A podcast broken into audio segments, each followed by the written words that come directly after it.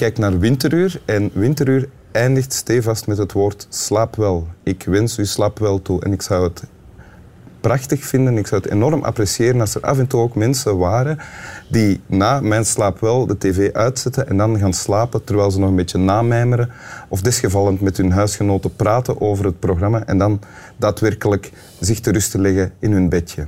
Uh, maar eerst het programma zelf, want we zijn nog niet aan de slaap wel toegekomen. Ik en Boris praten zoals altijd met een gast. Uh, en dat is vandaag het fenomeen Mark Didden. Uh, Goedenavond. Goedenavond, rockjournalist. Geweest. Uh, filmmaker. Geweest. Columnist. Geweest. Uh, docent. Geweest. Acteur. We hebben samen nog in een film gespeeld. Ja, dat is het hoogtepunt in mijn leven. Ja. Sindsdien is het bergaf gegaan. Maar je hebt toch nog een tekst voor ons gekozen. Wil je die voor ons voorlezen?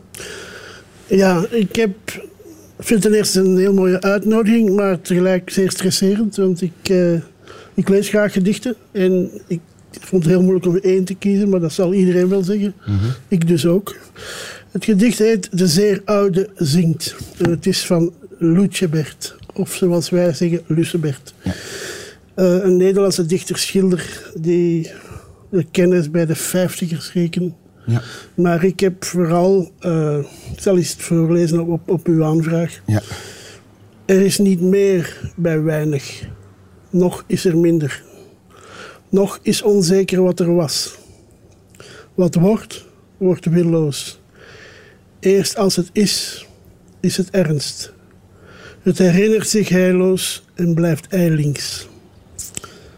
Alles van waarde is weerloos wordt van aanraakbaarheid rijk en aan alles gelijk. Als het hart van de tijd, als het hart van de tijd. Voilà. Ik vond het heel goed voorgelezen eigenlijk. Wel, uh, het is niet mijn sterkste kant. Nee? Maar uh, ik vind het wel mooi als mensen het kunnen. Ik, ik herinner me heel mooie poëzieavonden waar mensen als Remco Kampert en Hugo Claus uit hun eigen werk lazen. En ik vond het dan een absolute meerwaarde. Ik, Ja. ik begreep die gedichten veel beter als ze werden Wel, gezegd. dat is nu ook, het leefde voor mij ook meer toen, toen ik het daarnet uit uw mond hoorde gerold komen. De zinnetjes. Doe me veel plezier. Ja. Wat staat er hier in dit gedicht? Ik denk, maar ik ben niet heel geen poëziekenner, ik ben een poëzieliefhebber. Mhm.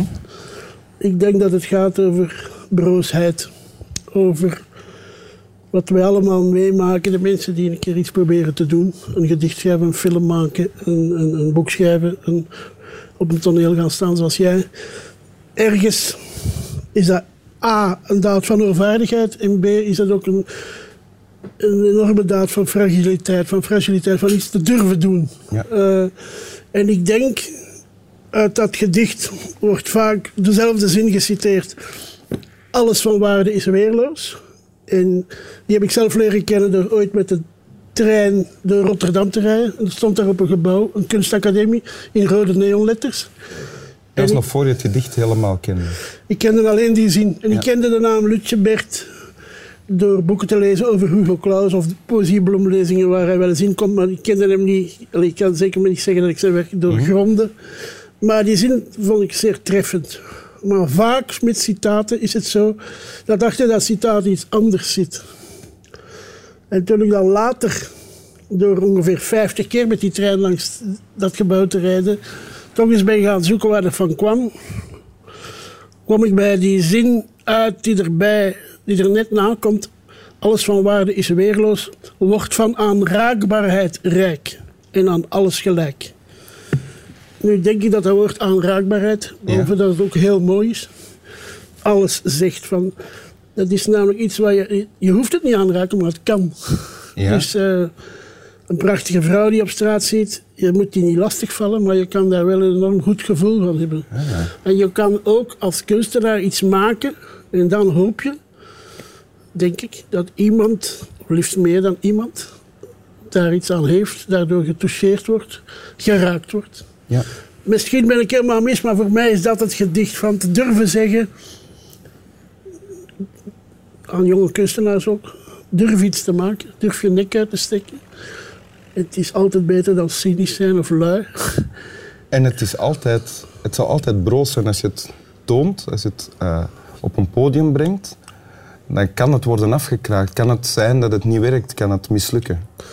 Ja, maar dat is ook net het spannende, dat is het mooie. En dat daaraan, denk ik, als je de historiek van de grootste kunstenaars kent of bestudeert, dan komt er altijd zo'n moment waar het nog niet lukte. Of waar iemand ja, je wel al talent voelde. Ik heb lang lesgegeven. Je voelde bij sommige mensen talent borrelen, maar er kwam niks uit. Ja? Totale flauwekul.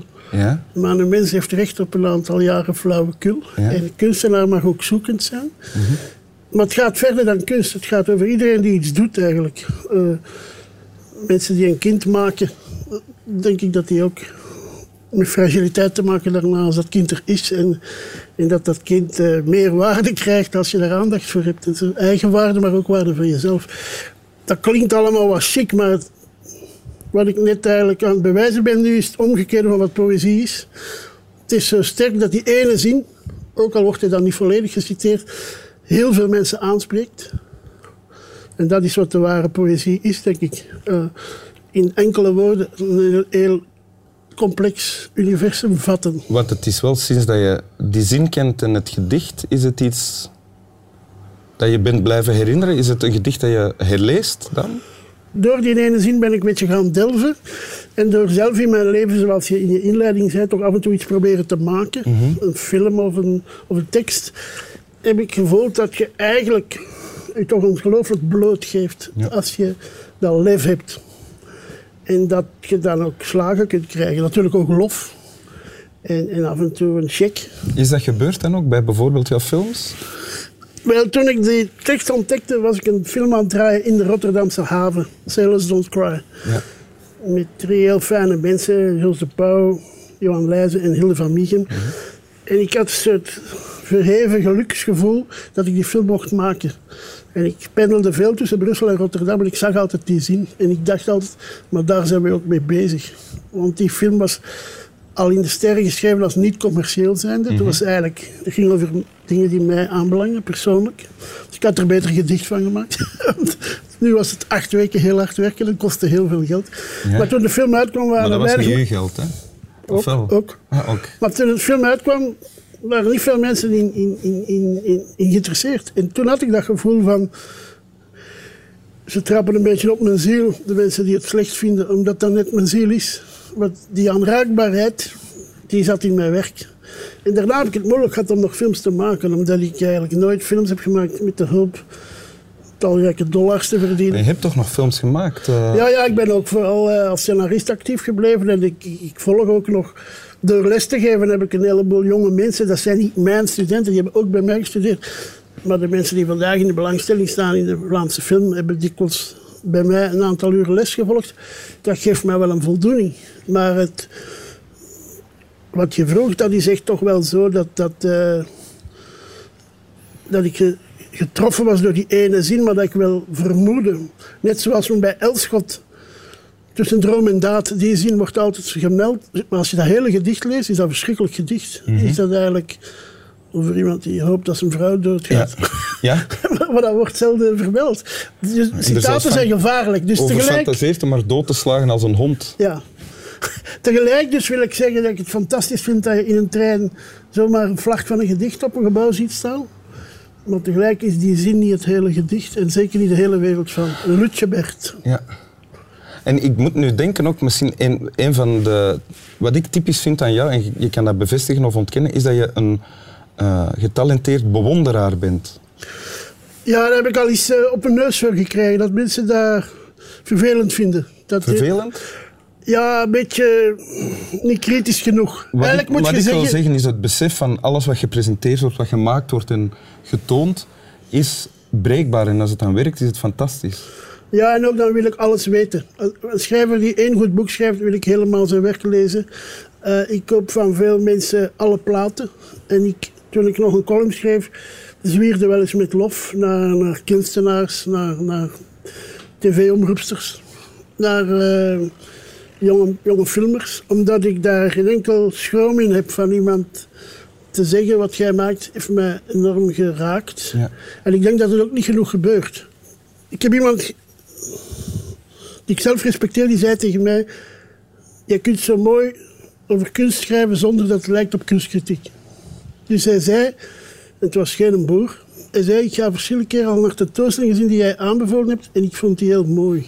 Ik heb zelf ook Bob Dylan leren kennen eigenlijk door uh, wat jij hebt geschreven over Bob Dylan. Dus dat is, uh, nu moet er die, een minuut stilte, maar dat gaat er niet af zeggen. De wijde stilte. Ik weet het niet hoe lang we stil kunnen zijn op tv. We kunnen wel eens een test doen. Ik zou kunnen zeggen dat Bob Dylan mij u leren kennen heeft, maar dat is niet waar. nee. Maar je hebt wel door mij Boris leren kennen nu, denk ik. Boris moest... Ik, allee, ik apprecieer hem, want ik had, toen ik hoorde dat hier een hond zou zitten, had ik een schrikbeeld van ofwel een poedel, mhm. die ook nog zou keffen, ofwel zo'n klein zwart hondje met een platte neus dat altijd maar beweegt. Ja. En gelukkig toen ik hier binnenkwam, zag ik behalve jou, zag ik... Hoor je dat, Boris? Hem. En het kan hem ook geen botten schelen. Ja, zo lijkt het, zo lijkt het. We gaan voor Boris nog één keer het gedicht voorlezen. Uh, heb je, lees je het liefst zelf voor of uh, heb je liever dat ik het voorlees? Ik, ik denk dat jij dat heel goed kunt. Mag ik luisteren? Dat is ook... Ja, dat is goed. Ja. Alsjeblieft. Boris. Dat is een beetje... De zeer oude zingt. Er is niet meer bij weinig. Nog is er minder. Nog is onzeker wat er was. Wat wordt, wordt willoos. Eerst als het is, is het ernst. Het herinnert zich heilloos en blijft eilings. Alles van waarde is weerloos, wordt van aanraakbaarheid rijk en aan alles gelijk. Als het hart van de tijd, als het hart van de tijd. Ik vind het heel mooi. Dank u. Slap wel. Nu heb ik het echt begrepen, echt waar. Is waar? Omdat die wordt van aan, de, rijk was ik vergeten. Ik heb het alleen over die aanraakbaarheid gesproken. Maar die rijkdom is dat het ook geen zin heeft als het bestaat, zonder dat er iemand. Ik, heb, ik, ik hoor het beter binnenkomen als iemand anders het voorleest. Ja. Het is grappig, ik heb aan de mensen gevraagd om na de slaap wel uh, zich te rusten te leggen. En nu saboteer ik dat idee zelf door, door samen met jou nog te blijven praten. Dus misschien moeten we nog eens proberen. Zeg jij slaap wel? Slaap wel. Ook Boris. Wel te rusten.